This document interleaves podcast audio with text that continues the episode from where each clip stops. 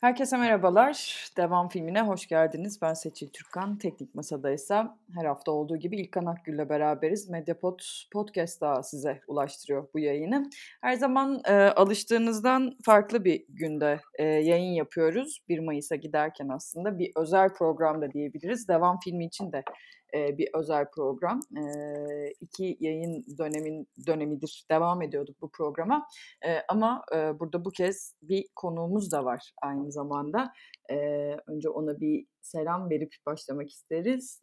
Emre Tansu Keten, Marmara Üniversitesi Gazetecilik Bölümü doktor öğrencisi. Hoş geldin Emre. Hoş bulduk, merhaba. Merhabalar. Eee, devam filminde aslında bir seriye de başlamış oluyoruz seninle beraber. Eee, bu, ııı, konuklukla beraber de demek lazım. Genişçe bir parantezi, eee, açacağız seninle. Hatta, eee, kendisinden bu parantezi açmak için bir bakıma yardım istediğimi de söyleyebiliriz belki de. Eee, dijital eylemleri ve eylemlerin dijitalle birlikte aldığı formu konuşmaya başlayacağız. 1 Mayıs 2020 ile birlikte devam filminde. Eee, şimdi belki ben bir bağlam çizebilirim, eee, Emre. Eee, onun ardından da beraber başlayabiliriz. Hem neden böyle bir seriye başlayacağız devam filminde, eee, hem de senin aklında da yeniden bir çerçeve belirlemiş oluruz biz, eee, bu bu programda konuşacaklarımıza dair. Tamam. Eee, yani, her şeyden önce birbirimizi görmeden yapıyoruz bu programı. Eee, bir uygulamayla Zen Zencastr'dan yardım alarak kaydediyoruz. Ben çok aşırı alışık değilim birini görmeden konuşmaya. Eee, genellikle radyodan kalan alışkanlığım da birilerini görmek ve, yani, karşımda, eee, en azından mimikleri görerek, eee, devam etmek üzerine. O yüzden kendi adıma, eee, affola diyeyim bütün, eee, garipliklerden ve o garip iletişim kesikliklerinden. Eee, şimdi, eee, ne konuşacağız aslında? Dijital eylemler dedik ama şimdi 3 Nisan'da çok yakın zamandan başlayacağım. Fridays for Future bir dijital iklim grevi düzenledi. Eee, 24 Nisan Ermeni soykırımı anmaları online gerçekleşti. Kaz Dağları'ndaki savunucular dijital eee, eylemler yaptılar. Diğer taraftan da sosyal medyada işte bazı akşamlar başlayan, eee, çoğumuzun da bildiği, aşina olduğu saat 9 civarına denk gelen bir etiket altında birleşik tep tek bir mesaj, eee, verme çalışmaları var. Şimdi yakın zamanda aslında bu Covid süreciyle beraber de MNG kargo işçilerinin, sesini duymaya başladık. Şok market çalışanlarının seslerini duyuyoruz. Sosyal medya, eee, vesilesiyle şahit olduklarımız bunlar. Bunun dışında sokakta neler oluyor? Aslında, Türkiye bir 1 Mayıs kutlayacak tırnak içinde ama bir, ilk dijital 1 Mayıs'ımız da olacak belki. Biraz bu konuyu tartışacağız biz, aynı zamanda bu programda. İsrail'de ise, Başbakan Netanyahu karşıtı protestolarda sokakta insanlar sosyal mesafe kuralını uyguladılar geçtiğimiz hafta. Bir protesto vardı, aralıklar vardı ama şimdi Lübnan'da yoksulluk eee, nedeniyle sokağa çıktı insanlar ve bir sosyal mesafeden söz edemeyiz. Dolayısıyla belki buraya şey virgülünü koymak lazım. Eylemlerin şekli değişiyor mu diyor olmak, eee, biraz böyle meseleye, eee, yanlış taraftan bakıyor olmak olurmuş gibi de geliyor. Eee, bunun dışında birkaç hafta önce Trump yanlıları sosyal mesafeye karşı bir araya gelmek istediklerini savundukları eylemler yaptılar sokakta. Eee, ve 1 Mayıs'ta Türkiye'de geçinemiyoruz ve hesap soruyoruz hashtag'leri kullanılacak gibi gözüküyor. Eee, bunun dışında bir, eee, başka bir eylem oldu. Eee, sokağa çıkanlar oldu. Küçük, eee, toplantılar demek lazım belki. İstanbul Emek Barış ve Demokrasi Güçleri Küçükçekmece Arena Park karşısında 1 Mayıs kutlaması düzenledi.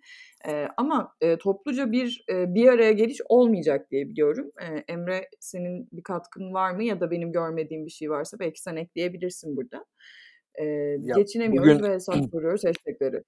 bugün Kazancı'da bir anma yapıldı. Hıh, Eee, 16 Tuzla'da Mayıs'ta. Tuzla'da İstanbul 1 Mayıs platformunun bir eylemi oldu yine sosyal mesafe, aslında fiziksel mesafenin Hı hı. korunduğu. Eee, tabii bunlar sembolik, eee, işçilerin kendi iş yerlerinde yine sembolik fiziksel mesafeyi koruduğu bazı basın açıklamaları gerçekleştirildi. Ben Hı de hı. bunları gördüm sosyal medyada tabii ki. Bir muhabir olarak da kullanmış oldum ben. Emre'yi burada teşekkür ederim katkıların için. bunun dışında şimdi geçinemiyoruz aslında bir hashtag olacak ve hesap soramıyoruz bir hashtag olacak ama geçinemiyoruz'u biz başka bir yerden de hatırlıyoruz. dönüp bir baktığımızda 2019 Nisan ayında yani bundan tam bir yıl önce neredeyse tanzim kuyruklarından sonra kullanmaya başlamışız biz geçinemiyoruz meselesini. Ve şimdi Türkiye'de aslında Eee, yani bir 1 Mayıs, eee, meselesi uzun zamandır. Eee, 2012'den beri mi acaba? Eee, emin değilim ama aslında sokağa çıkmak bi bir manada yasakmış gibi gözüküyor. Toplumsal hareketler belki de bir mana bir manada, bir anlamda da, eee, biraz idmanlıydı bu sosyal mesafe ya da fiziksel mesafe meselesine. Sokağa çıkmanın ciddi bir baskıyla karşılanmasından bu yana e, ve 2013 sonrası da demek belki doğru olabilir. Şuradan başlayalım mı e, Emre? İlk dijital 1 Mayıs'ımız diyebilir miyiz buna? Çok mu iddialı olur?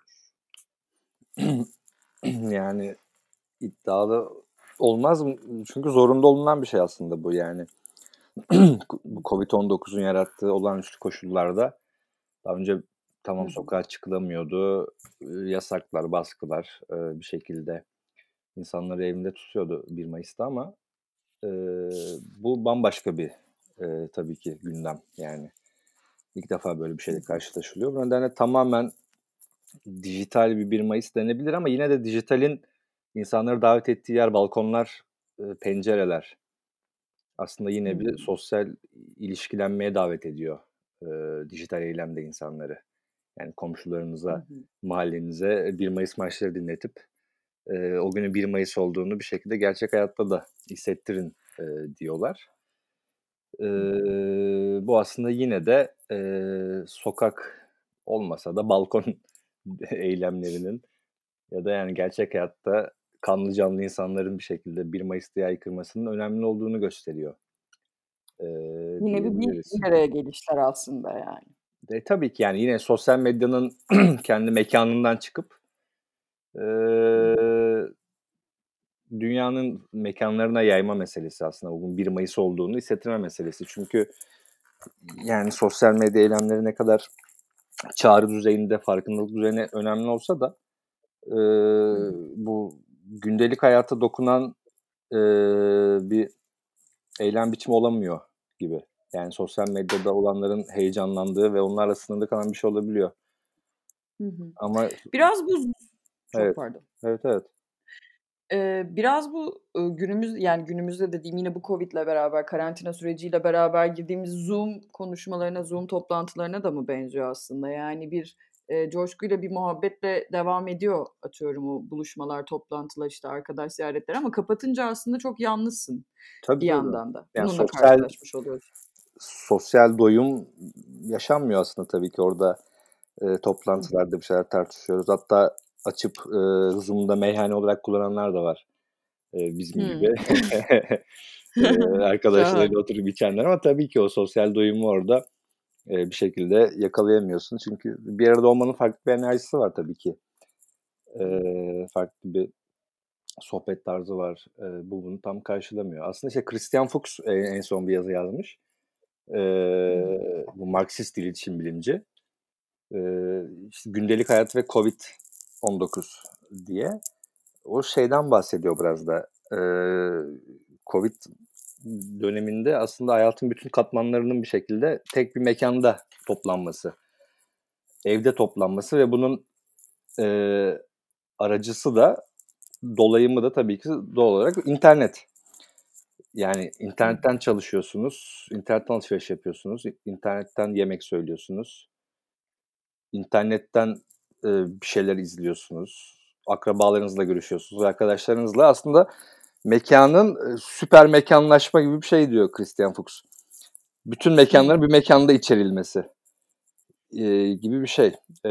bu tabii ki gündelik hayatın diğer dinamiklerini de fakirleştiren bir şey. Sonuçta yine bu dönem çok sık konuşuldu. Hani işe gitmek, evden çalışanlar bile oturup hani pantolon giyip e, kalktıktan sonra çalıştığını söylüyordu ya da kafeye gittiğini her gün söylüyordu.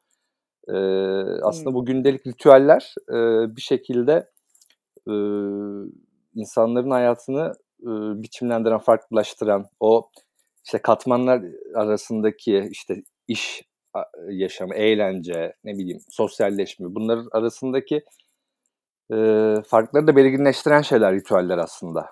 E, işte bir işe gidiyorsunuz her gün iş yerine. İşte haftada bir de atıyorum bir tane Taksim'de bara gidiyorsunuz. Orada bir arkadaş çevreniz var. Bunlar aslında o ritüeller de bu katmanları birbirine ayıran şeyler. O değer katan, onlara farklı değerler katan birbirine ayıran noktalar. Ama burada işte internetten çalışıyorsunuz. Patronla Zoom'da konuşup kapatıp sonra arkadaşlarınızla sohbet ettiğinizde e, o ritüeller kayboluyor. Tek boyutlu bir mekanda e, bütün işleri görüyorsunuz ve ev sürekli ev mekanındasınız. E, işte Fuchs bunu e, ele almış ve bu gündelik gündelik hayat önemli bir şey aslında. Yani bu e, bu konuları anlamak noktasında da önemli bir nokta. İşte Lefebvre, Lefebvre'in yazdıkları e, Karel Kosik, Kosik e, Macar filozof Kosik'in bu konuda yazdıkları çok önemli. Çünkü gündelik e, çok önemli bir politik de araç aslında. Yani ideoloji Gündeliği kadar yaşarken insanların... aslında Evet. İnşa ettiğimiz şeyler, inşa ettiğimiz şeyleri de kastediyorsun belki de aynı zamanda. Tabii tabii yani, yani şimdi gündelik hayatı yaşarken inşa ettiğimiz o bütün o sosyallik e, pek çok şey tabii, kapsıyor. tabii bunlar e, alış yani alışma, kanıksama meselesi de aslında biraz burada var. Yani aslında bütün e, insan yaşadığı koşullara alışma, onun gündeliğini oluşturma yeteneğine mi artık şanssızlığına mı sahip bilmiyorum ama sahip buna. E, hatta bir film vardı İspanyol filmi adını hatırlamıyorum oğul yaşlı bir adam oğlunu öldüren bir e, genç kızı Bodrum'da saklıyordu cezalandırmak için. E, ama bir türlü cezalandıramıyordu. Yani yıllar geçiyor. Kadın Bodrum'da hapis hayatı yaşıyor. Ve cezalandırma nefret duyuyor kadınla. Tabii ki oğlunu öldürdüğü için falan yani doğal olmayabilir de yani tabii ki dedim ama e, böyle bir şey kurmuş kendi kafasında ve e, bir gün birisi gelip e, yıllar sonra kadını kaçırdığında büyük bir üzüntü duyuyor. Yani oğlunu kaybetmiş kadar yine bir depresyona giriyor. Çünkü o gündelikliğe alışmış. Yani o kadının bodrumda hapis olması, ona her gün yemek vermek gibi gibi. Ee, İkinci Dünya Savaşı'nın... Başka bir şey. Evet yani Naziler döneminde de Belçikalı Troçkistler toplama kamplarında çok az kişiye yani 10-15 kişiye dağıtabilse bile haftada bir dergi çıkartıyorlardı toplama kampında. Hmm. Oradan kurtulamayacaklarını biliyorlardı öldürüleceklerini biliyorlardı ama her gün o faaliyete devam ettiler. Siyasi faaliyete. Orada da farklı bir gündelik yaratmaya çalıştılar. Yani gündeliği e, gündeliğin bozulması ve yeniden bir gündeliğe e, oturmak yaratıcı bir şekilde de olabilir, e, devrimci bir şekilde de olabilir. E, düzenin istediği şekilde de olabilir. O bahsettiğin işte eylemsizlik 2012'den itibaren başlayan 1 Mayıs yasakları Eee, aslında ondan sonra yine biz eylem yapıyorduk yani. İnsanlar sokaklara çıkıyordu bir süre. Ama Evet. nerede o gündelik ilk ilk olarak o eylemlerin gündeliği bozuldu. İşte gündelik hayatta eylem yapmanın anlamı bozuldu. Bunu da yaratan aslında IŞİD'in kat, yaptığı katliamlardı. Eee, Hımm. Sokağa 2000 toplu hâlde çıkmak. E, tabii yani şimdi Suruç ve Ankara katliamının ardından sokağa çıkmanın gündelik hayatta anlamı değişti. Herkes daha veya Taksim'in dönüşümü de öyle düşünülebilir. Taksim'de patlayan bombalarla aslında insanların Taksim'den çekilmesi, Kadıköy'e göç falan Evet. işte e, devlet de tabii ki bütün tarihte böyle olmuş. Bütün devletler de bu gündeliğin dönüşümünü politik araçlarla şekillendirme konusunda çok şevkli. Aslında AKP'nin oturduğu bu e, eylemsizlik veya yarattığı eylemsizlik havası da yararlandığı en çok en büyük şeylerden biri de IŞİD'in katliamları sonrası oluşan gündelik hayattaki değişimlerdi. Yani sokakta eylem yapmanın artık Gün... anlamının değişmesiydi. Bunun insanlar zaten e, belli bir kaygıyla e, biraz kendi güvenliklerini düşünerek çekildiler. Bunun üstüne devlet büyük bir baskıyla zaten ortalığı temizledi ve o günden sonra eylem sokaklarda eylem yapılamaz oldu. Öte yandan belki şunu da hatırlamak lazım. Yani İstiklal Caddesi'ni e, sadece İstiklal Caddesi'ndeki eylemleri izlediğim bir dönem vardı. E, ve gerçekten İstiklal Caddesi'nde her gün eylem olurdu. Yani insanların böyle Galatasaray evet. Meydanı'ndan geçerken artık orada bir eylem görmeye çok alışık oldu. Hatta bazen dönüp bakmadı falan. Zaten bu bir rutinken. Bunun komple kesilmiş olması hatta yine İstiklal Caddesi'nden bahsedersek işte tek bir sokağa sıkışmış olmasından da E, belki burada bu e, farkı e, koymak bir hatırlamak lazım. Yani nereden nereye geldiğimizi anlamak için de sokağa dair şeylerde. Peki bu, bu sürecin içinde yani biz buradan buraya gelirken bir taraftan bu süper mekanlaşma meselesi e, bir tür işte yabancılaşmayı da getirecek ama e, aslında yani tek bir mekanın her şeye dönüşmesi. Aslında tek bir mekan evet. yani ev yine de e, şöyle okunabilir mi bu mesele? Biraz provokatif olsun diye de böyle soruyorum. Yani aynı zamanda ev de bir e, eylem mekanı haline dönüşüyor belki bu süreçte böylece. Yani Tabii. Türkiye'de bir süredir zaten yaşadığımız e, şeydi ya bu aynı zamanda işte dijital eylemler, e, işte Twitter'ın artması, oradan yapılan çağrılar, oradan yürüyen basın açıklamaları filan derken e, yani hem evet hepimizin yabancılaştığı böyle orayı kapatıp işte bambaşka bir şeyle uğraşmaya başladığın ve o anda o ortamın içinden çıkabildiğin bir durumken e, şimdi başka türlü bir e, hale de dönüşüyor olabilir mi? Yani olabilir evet ama e, imkanları kısıtlı tabii ki yani evin bir eylem alanı e, yani evde eylem alanı olmalı tabii ki sokakta olmalı yani sonuçta e, yani politikleştirmek bütün mekanları politikleştirmek e, bence önemli bir çaba. Ama burada sadece eve sıkışmak da bir şekilde demin bahsettiğim gibi yani şimdi oraya getirecektim. Bu Covid-19'un yarattığı gündelik hayat var. Yani herkes direnmeye çalışıyor balkonlardan şarkı söyleyerek işte evde yoga yaparak bir şey yaparak bunun geçici bir dönem olduğunu e, idrak etmeye çalışsa da aslında bu gündeliğe de uyuyor. Yani uyu, çünkü insan doğası böyle yani alışıyoruz. Aslında bu iki aylık iki ay yaklaşan karantinada kendi gündeliğimizi oluşturuyoruz. İşte sabah kalkıp bir şeyler yapmak, ev içindeki zamanı düzenlemek gibi bir gündelik hayatımız da oldu aslında. Karantinanın kendi gündelik hayatı oldu. Buradan bu gündelik hayattan iktidar ne daha sonrası için kazanım elde edebilir? Bunu kurallaştırmaya çalışabilir. Biz ne hmm. elde edebiliriz? Bunu tabii tartışmak gerekiyor. Ama gördüğümüz Çin üzerinden özellikle gördüğümüz Covid-19 pozitifleri takip etme bahanesiyle aslında dijital gözetimin ve denetimin çok daha bundan sonra yaygınlaşması gibi bir etkisi olacak. Yani, evet, yani. ta, takip edilmemiz, gözetilmem, gözetlenmemiz Covid bahanesiyle oldu ve devlet burada aşıtı alanı Çin devleti muhtemelen bırakmayacak. Bunu politik kontrol için kullanacak. Türkiye'de e ne görüyoruz? İşte bütün ülkelere bunu satmak yani hatta çok makul. Tabii tabii bir model zaten. Uzun süredir Çin bir medya modelidir. Evet.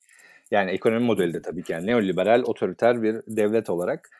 Ee, internet mesela yani şu an AKP'liler sürekli bir sosyal medya çıkartıyor. Yerli ve milli. Yaz B diye bir şey çıktı en son. Bunlara ciddi hmm. paralar da aktarılıyor bir işe yaramasalar da. Ee, mesela Çin bunu %100 başardı. Yani bütün sosyal medya, Facebook, Twitter, e, Google'ın bile kendi muadili var Çin'de ve hepsi onlar kullanılıyor yani çok yaygın kullanılıyor ve devlet e, gözetleme evet. konusunda insanları sansür konusunda çok rahat. Bu konuda çok başarılı bir örnek tırnak içinde evet. Çin. E, Türkiye'de Peki. ne görüyoruz? Evet. Türkiye'de ne görüyoruz diyordun sen. Ben Hı. onu söyleyecektim aslında. evet, Türkiye'de de aslında yani işte koron, koronavirüs hakkında insanların sağlığını tehdit eden yalan haberler yapılıyor. Ee, yalan haber virüsten tehlikeli gibi bir söylemle aslında Twitter'da iktidarın dışında bir söz söylemenin suçlu, suç, kriminalize edilmesi gibi bir durum var. Mesela bine yakın insan gözaltına alındı. Neden? İşte o kadar hasta ölmedi de bu kadar hasta öldü dediği için.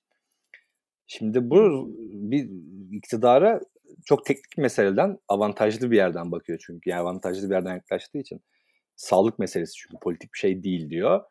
Ee, kendi hakikatini nesnelleştirme fırsatı veriyor.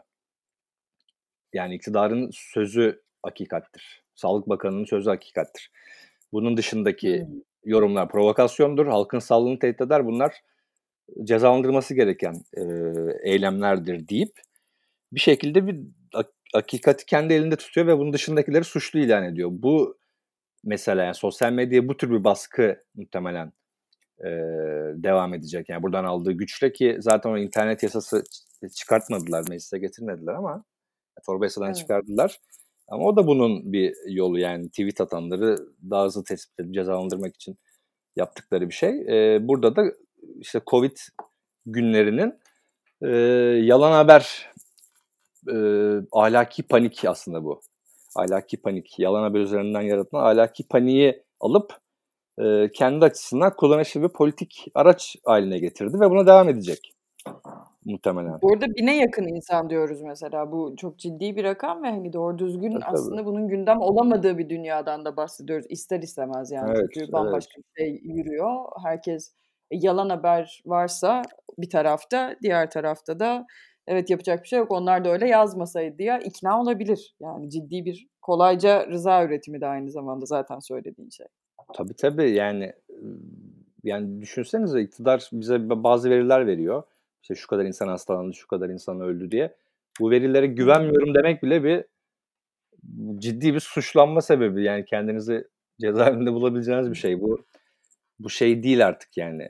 Eskiden eskiden terör diyorlardı. Hani terör propagandasından sözde alıyor. Cumhurbaşkanı hakaretten bir şekilde cezalandırmaya çalışıyordu. Şimdi sadece sağlıkla ilgili verilere inanmamak veya başka alternatif veri sunmak bile gözaltına alınma sebebiniz. Evet. Ee, burada oluşturdu işte yine Covid'in içinden aldığı politika dışından sözde sağlık e, gibi bir nesnel sözde alanından aldığı e, bir güçle bunu yapıyor ve buna devam edecek muhtemelen. Evet. Yani bir yandan da mesela, eee, aslına bakarsan yine böyle sosyal medya eylemleri gibi şeylere dönersek hem böyle haberdar olduğumuz hem de, eee, herkesin yani tweet atarak pek bir şeyin dönüşmeyeceğini yeniden yeniden anladığımız günlerdeyiz galiba. Eee, sen katılır mısın buna? Yani dijital eylemlerin, eee, gündelik Evet. hayata konuştuğumuz bir katkısı var mıdır mesela sence? Evet. Ya da nasıl bir şey yaratıyor? Aslında bunun biraz tarihine bakarsak yakın tarih tabii yani çünkü Twitter icadı olduğu çok olmadı. Ee, 2009 ile 2011 arasında işte İran'da başlayan eylemler e, ve sonra Arap Baharı'nda e, bütün Amerikan medyası, Amerikan akademisi Twitter devrimleri olarak bunu ele almıştı bu yaşananları. Çünkü kafalarında yine oryantalist bir şey vardı yani bu insanlar iletişemediği için, birbirleriyle haberleşemediği için bu diktatörlere katlanıyor. Ama Twitter gibi bir şey ortaya çıkınca kendiliğinden zaten insanlar diktatörleri yıkıp demokrasiyi kuracaktır gibi bayağı bir sığ e, aslında politik olarak da ideolojik olarak da şey e, açık bir söylem vardı. E, sonra e, tabi buna karşı eleştiriler de getirildi. Mesela Morozov, Ev, Evgeni Morozov e, bir kitap yazdı. Net'in karanlık yüzü, net yanılsaması diye. E, o çok daha pesimist bir yerden bakıyordu. Yani aslında bunun tam tersi Twitter ve diğer sosyal medya mecralarının tam tersi bu totaliter devletleri güçlendireceğini, bunları ciddi bir denetim, gözetleme, sansür, e, otosansür gibi araçları sağladığını söylüyordu. Bunların arasında yani bu aşırı iyimserlerle aşırı kötümserler arasında da işte Gerbaudo tweetler sokaklarda bir gibi daha sol Marksizan insanlar ise e, bunun bir araç olarak aslında işe yaradığını yani e, söylüyordu. Mesela İran'daki eylemlerde ya da Mısır'da internet kullanımı o kadar çok çok yaygın bir şey değil aslında. Ya Gezi'de hatırlayalım yani Gezi'de çıktığımızda sokağa çıkma sürecini örgütlemek açısından önemliydi ama Gezi varken biz Taksim'deyken çok da Twitter'a bakmıyorduk.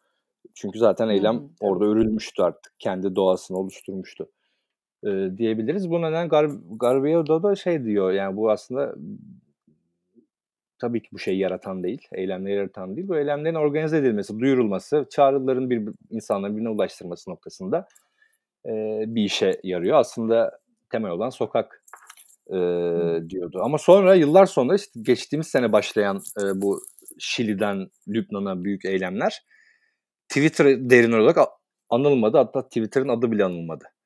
Ki 2009'a 2011'e göre Twitter'ın ve diğer sosyal medya mecralarının çok daha yaygın kullanıldığı bir dönemdeyiz. Bunun nedeni de aslında giderek Morozov'un görüşünün biraz daha yaygınlaşması. Yani e, internetin karanlık tarafının söylem olarak daha fazla dillendirilmesi. Ya şu dönem neleri konuşuyoruz dünyada? İşte popülizm, Trump, hı hı. Bolsonaro, Erdoğan, troller, bunları interneti kullanması, post-truth. Aslında internetle ilgili çok daha kötü şeyler konuştuğumuz dönemdeyiz. Evet. Ee, bu nedenle mesela geçen seneki çok devasa eylemlerin hiçbiri Twitter devrimleri olarak anılmadı. Hatta sosyal medyayla bağlantıları bile çok konuşulmadı. O nedenle hani Twitter'ın bir eylem olarak bir eylem mecrası olarak avantajı, gücü çok daha az konuşulan bir dönemdeyiz. Ee, buradan Türkiye'ye gelirsek şimdiki durumumuza e, Twitter'da tabii ki e, hashtag çalışmaları ya özellikle Covid döneminde zaten hani çok daha farklı bir şey yapılamıyor sanırım ama e, bunlar de, bence değerli. e, hatta bu süreçte işte Atatürk Havalimanı'ndan gelen bir e, şey karantinaya götürülen bir kadın öğrencinin polis tarafından alınması evet. sosyal medya sayesinde bir şekilde açıklandı bir ortaya. soruşturma açıldı ortaya çıktı hükümet açıklama yapmak zorunda kaldığı gibi ee, burada bazı rolleri oldu tabii ki sosyal medyanın ama bu şey anlamında değil tabii ki yani bir kontrol anlamında aslında bunun gibi olaylarda işte umrecilerin karantinaya alınıp alınmadığı meseleleri daha politik bir iddia ile çıkıp bir taleple çıkıp bunu kabul ettirmek değil de aksayan yönleri e, ifşa olmuş bazı saçmalıkları kontrol etmek, bunun hakkında açıklama istemek noktasında yararlı oldu e, bu dönem Twitter. E, ama şeyler de değerli. bu dönem özellikle işçilerin, kargo işçilerinin e, kendi açtıkları e, Twitter hesapları, şok işçilerinin, sendikalaşamayan özellikle sendikası olmayan işçilerin e, bir şekilde tabii sayısını bilmiyoruz o Twitter hesabını açanların örgütlülüğü ne düzeyde ama bir şekilde kendi evet. seslerini duyurabildiği, iş yerlerinden direkt seslenebildikleri mecralar oldu. E, bu bence çok yararlıydı. E, bu kadar söyleyebilirim. Evet. Aslında bir haberdar olma mecrası olarak günümüzde galiba kullanıyoruz. Çünkü diğer taraftan yine bugünlerde e, böyle hani sosyal medyanın da en e, kötü taraflarıyla konuştuğumuz zamanlar dedin ya bir bir başka akım yani hani bunu seslendirenlerden biri doğru telaffuz ediyor muyum bilmiyorum ama e, bu yıl e, Chun Han galiba hmm. Güney Koreli e, o da o, Almanya'da yaşayan e, bir filozof. E, o da mesela yani hani sosyal medyanın aslında nasıl e, hepimizin birbirine dönüştüğü, dolayısıyla böyle farklı fikirleri de ortadan kaldırdığı ve aynı zamanda toksik bir şeye işaret ettiğini söyleyen insanlardan biri ve bu böyle biraz daha seslendirilir hale de geldi. Yani ben kendi adıma da pek çok arkadaşımdan duyuyorum biraz daha az kullanma meselesini e, belki böyle biraz daha az bakmak mesela hepimiz için e, daha iyi olabiliri e, konuşmaya başladığımız günler. Biraz daha böyle haberdar olmaya yarayabilir. Sosyal medyayla beraber yaşarken onu da konuşuyor oluyoruz elbette. E, haberdar olmak ve işte aksiyen yönleri görmek söylediğin gibi. E, bu toplulukları e, belki de yer yer birbirleriyle buluşturabilmeye vesile olmak olabilir filan. E, ve günümüzde de işte aslında yani şöyle gibi geliyor bana hakikaten dışarı çıkmanın zaten bu kadar zorlaştığı yani sokakların gerçekten yasak olduğu bir ülkede şu anda. Ee, bizler o yüzden e, diyorum belki de idmanlıydı Türkiye'nin e, hareketleri genel olarak sokağa çıkamamaya. O yüzden belki de hani sosyal medyayı bu dönemde fena da kullanmıyor oluyoruz yani haberdar olma meselesi açısından. Tabii tabii. Ama şu da var bence. Ee, şimdi 5-6 sene önce ya da gezi zamanındaki Twitter ortamıyla şu anki Twitter ortamı da çok farklı. Kullanıcı hı hı. kullanıcılar açısından, kategoriler açısından. yani bes ya gezi zamanında Twitter daha sınırlı sayıda insanın kullandığı, e, de tabii gördüğümüz gibi e, daha politik tartışmaların döndüğü, işte bahsettiğin anlamda e, politik olarak haberleşmenin, çağrıların yaygınlaştığı bir şeydi ama şu an geldiğimiz noktada aslında Lupo olayı da bunu iyi gösteriyor. Evet. ee, aslında yani o kültür endüstrisinin televizyonla e, işte gazete, ana akım gazetelerle alıştığımız kültür endüstrisinin eğlence faktörünün sosyal medyada aslında yine ana akımlaştığını görüyoruz. yani Lupo meselesi aslında büyük bir meseleydi. Yani bir iktidarın bile kabul ettiği istifa içeriğini anlamadığımız ama bir şekilde istifa gündemiyle suçunu evet. kabul ettiği bir akşamda iktidarın bu hatasından çok e, Lupo üzerine espriler döndü bütün sosyal medyada. Yani birinci şey oydu. Hashtag oydu. Tabii evet. AKP'liler de bunu atladı gibi. Yani e, Twitter'ın da aslında ana akım kullanım tarzı aslında eğlence. E, çok politik değil. Biz tabii ki politik tarafı hmm. var ama biz daha küçük bir ve haber veya akademik haberleşme gibi birçok tabii ki tek homojen bir kullanımdan bahsetmiyoruz ama ana akım kullanımı evet. tabii bu hashtaglerde de gördüğümüz eğlence aslında. Ee, hmm. Bu eğlence de bir şekilde e, o politik gücünü Twitter'ın veya Twitter'da açılan hashtaglerin e, politik gücünü sınırlayan bir şey. İkinci aslında bu dönem Covid döneminde benim gördüğüm ikinci yaygın veya e, ana akımlaşma demesem de güçlenen taraf e, aktroller aslında. E, mesela aktroller politik olarak e, daha bir arada davranıyorlar gibi çünkü sürekli hashtagleri yani son bir aydır neredeyse o trend topik listesini e, onlar yönetiyor gibi. Tabi bunda bir bir yer, yerden yönetilmeleri de etkili yani bir yerden bir hashtag söyleniyor ve hepsi bir şekilde oraya e, kanalize oluyor. Solda bu çok yok. Solda herkes bir yani. şekilde birkaç hashtag de girip e, hatta evet, saat başka bir şey yapmaya çalışıyor. Ya 9'da bile birkaç kampanya olabiliyor. Birkaç hashtag kampanyası farklı. Aynen. Evet. E, bu nedenle oraya da giremiyorsun. Ama şey de dikkate değer yani AKP'lilerin bu dönem Twitter'a bu kadar yoğunlaşması, e, eksi sözlüğe bu kadar yoğunlaşması. E, bunun da sanırım çok vakitleri olduğu için Tabii o aktrol dediğimiz hepsi de e, ücretli, paralı troller değil.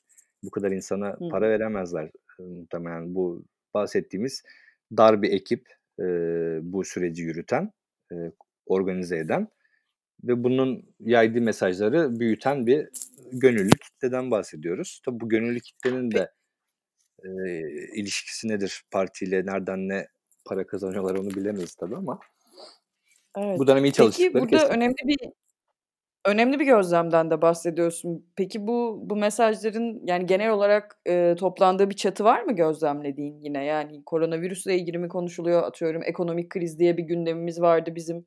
Diyoruz ya yani geçtiğimiz Evet. yıl bu zamanlar tanzim çadırları vardı Türkiye'de falan. Yani, hani, meseleyi nerede tutmaya çalışıyorlar? Senin bir gözlemin varken Evet. bu konuya dair ne söylersin? Şimdi trollerin aslında Rusya'dan, İsrail'den, Çin'den bildiğimiz de orada da ciddi troll orduları var devletin desteklediği. Trollerin 3-4 amacı var aslında. Birinci amacı propaganda tabii ki. Devletin propagandası. iktidarın propagandası. İkincisi trollük. Yani girip o tartışmanın ciddiyetini bozmak. Başka yerlere çekmek. Bu tartışma ortamını bulandırmak. Trollüğün zaten başat anlamı. Ee, üçüncüsü de muhbirlik yapmak. Yani buradaki e, insanları şey şikayet etmek. İçişleri hmm. Bakanlığı'na, Emniyet Müdürlüğü'ne şikayet etmek. Şimdi birinci şey zaten propagandayı AKP medyası yapıyor. Ee, o nedenle evet. trollere çok gerekte kalmıyor. Onlar hatta yani AKP Sabah gazetesinin eştek başlattığı da oluyor e, diyebiliriz. Daha çok bunlar ikinci ve üçüncü e, işlevler için kullanılıyor. Yani ortalığı dağıtmak. İşte, dün bir tweet vardı. Rezilsin CHP diye. Ki başından beri zaten CHP'yi hedef alan, işte Canan Kaftancıoğlu'nu hedef alan hashtaglerle e, daha çok yürüdüler. E, işte hedef alıyorlar. Ciddi işte atıyorum Kaftancıoğlu'nun e, açıklamasının altına birçok yorum yapıyorlar. Yani o alanları bulandırıyorlar. O ciddi tartışma ya da hı hı. ciddi bir iddia ortaya attığınızda Twitter'da bir gazeteci ciddi bir ortaya attığında hemen altında bitip ortalığı bulandı. Siz de bunu yaptınız. İşte şöyle oldu. Sen zaten bir şeysin gibi ortalığı bulandıran o iddiayı da tabii iddiayı değersizleştiren, fikri değersizleştiren bir yerdeler ve tabii ki her EGM mentionlarıyla her yerde evet, bitip evet. herkesi herkesi ihbar ediyorlar. Hatta soruşturma açılan bir gazeteci vardı dün açıklamıştı yani o bir tweetinin altında birçok EGM mention olduktan sonra gözaltı kağıt şey ifade vermesi için bir kağıt gelmiş polisten. yani bu konuda da çok şey değil mi yani? E, tabii tabii. Yani bu konuda da e, çok şey değilim.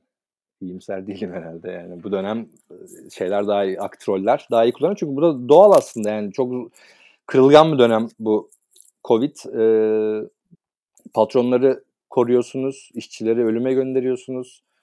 E, ciddi bir şekilde ele almıyorsunuz e, şeyi, e, bu hastalığı. İşte İsveç'ten insan getirme şovu yapıyorsunuz. Gayet kırılgan bir dönem. Bu dönem iktidarın eleştiri alacağı zaten belli ve bu dönemde böyle bir set çekiyorlar. E, hmm. Sosyal medyada oluşacak e, muhalefetin üstünde bile. Aslında bu alan bırakmama meselesi de yani geçen yine bir hashtag vardı ek sözcük kapatılsın diye. Ee, hmm. işte veya Twitter'da şeyleri bazı insanlara saldırıyorlar. En, şey şikayet ederek, spamleyerek hesaplarını kapatmaya çalışıyorlar. Yani düşünsenize medyanın, konvansiyonel medyanın %90'ını elinizde tutuyorsunuz. İnsanların konuşabildiği birkaç alan kalmış. Onları kapattırmaya çalışıyorsunuz. Yani gerçekten Biraz... tamam tamamen ses kesme gibi bir niyeti var. Aslında bu kutuplaşmanın cisimleşen halini de görmüş oluyoruz sosyal medyada. Belki çağımızın yani bence e, en önemli şeylerinden biri bu. Yani hani sadece anlatmak değil de işte bir tarafta böyle politik mücadelelerin gündeme girmeye çalışan etiketleri bir tarafta da işte böyle bir e, troll ordusunun e, yaptığı çalışmalar gibi bir e, şey söyleyebiliriz burada sosyal medyanın durumuna dair galiba geldiğimiz yerde. Evet evet yani ama işte başarılı oluyor gibi biraz aktroller. Evet evet. Ee, evet. Hatta yani şey bile var Ermeni ya zaten son bir hafta veya iki hafta nefret haftasıydı AKP'liler için.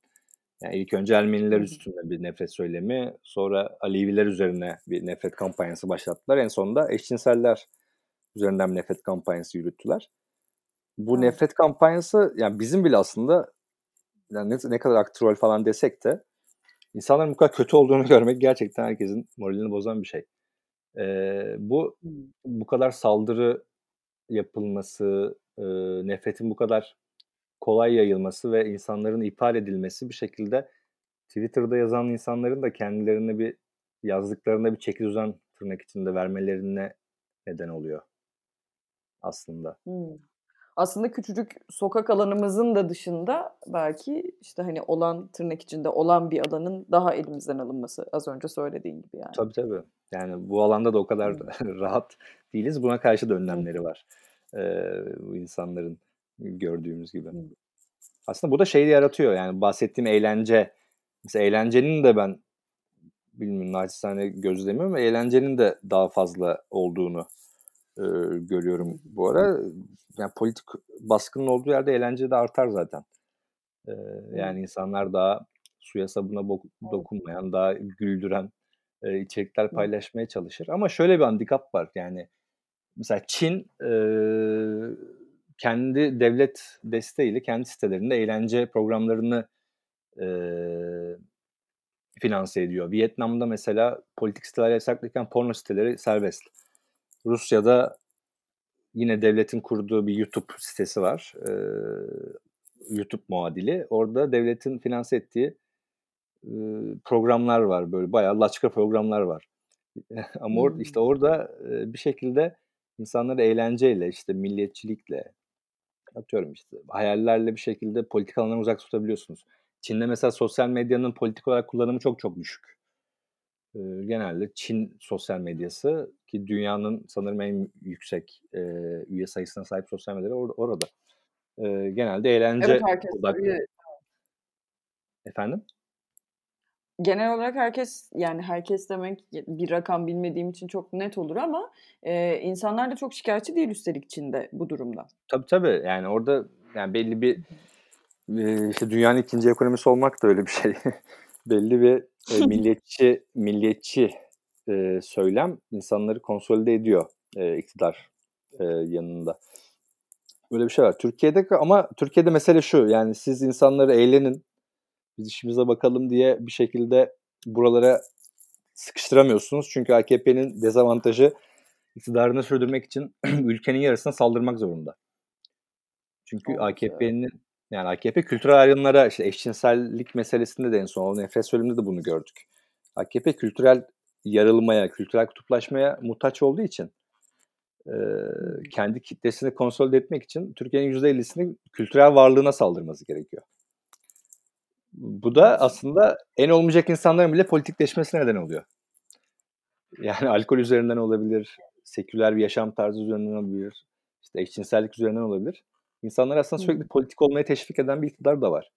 Bu da aslında handikap iktidar için. Kim için handikap? İktidar için. İktidar için bir handikap. AKP Sürekli gözünün üzerinde insanların en azından ister istemez gözünün üzerinde olduğu bir formül.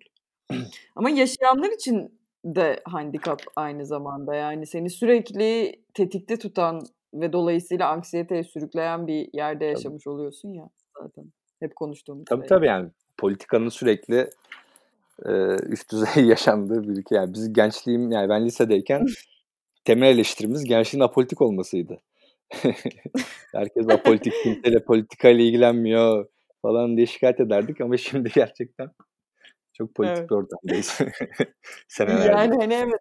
Evet ve yani işte bu, bu, bu kadar içinde olmak da bir yandan başka bir şey. Ee, göreceğiz diyelim.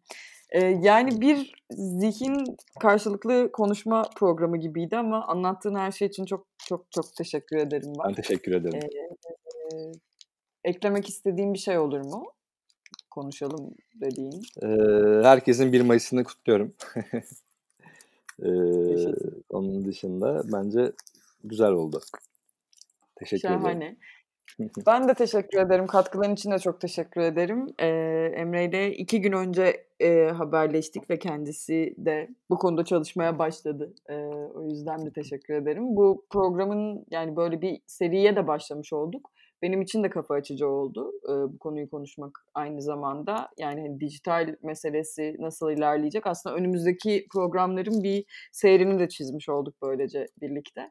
Ee, ben de merakla aslında önümüzdeki haftadan itibaren yine sormaya devam edeceğim insanlara. Ee, teşekkürler tekrar katıldığın için Emre. Ben teşekkür ederim. Evet, Mediapod Podcast ağının yayınladığı devam filmini dinlediniz. Dijital 1 Mayıs'tan yola çıktık ve e, aslında pek çok tarafına değindik bu meselenin. E, bir e, zihin akışı programı da oldu aynı zamanda. O yüzden de memnunum. Önümüzdeki hafta tekrar burada olacağız. Ben Seçil Türkan, Teknik Masa'da İlkan Akgül'le beraberdiniz. Tekrar görüşünceye dek şimdilik hoşçakalın. Medyapod'un podcastlerine Spotify, Google Podcast, iTunes ve Spreaker üzerinden ulaşabilirsiniz. Medyapod'u desteklemek için patreon.com slash medyapod.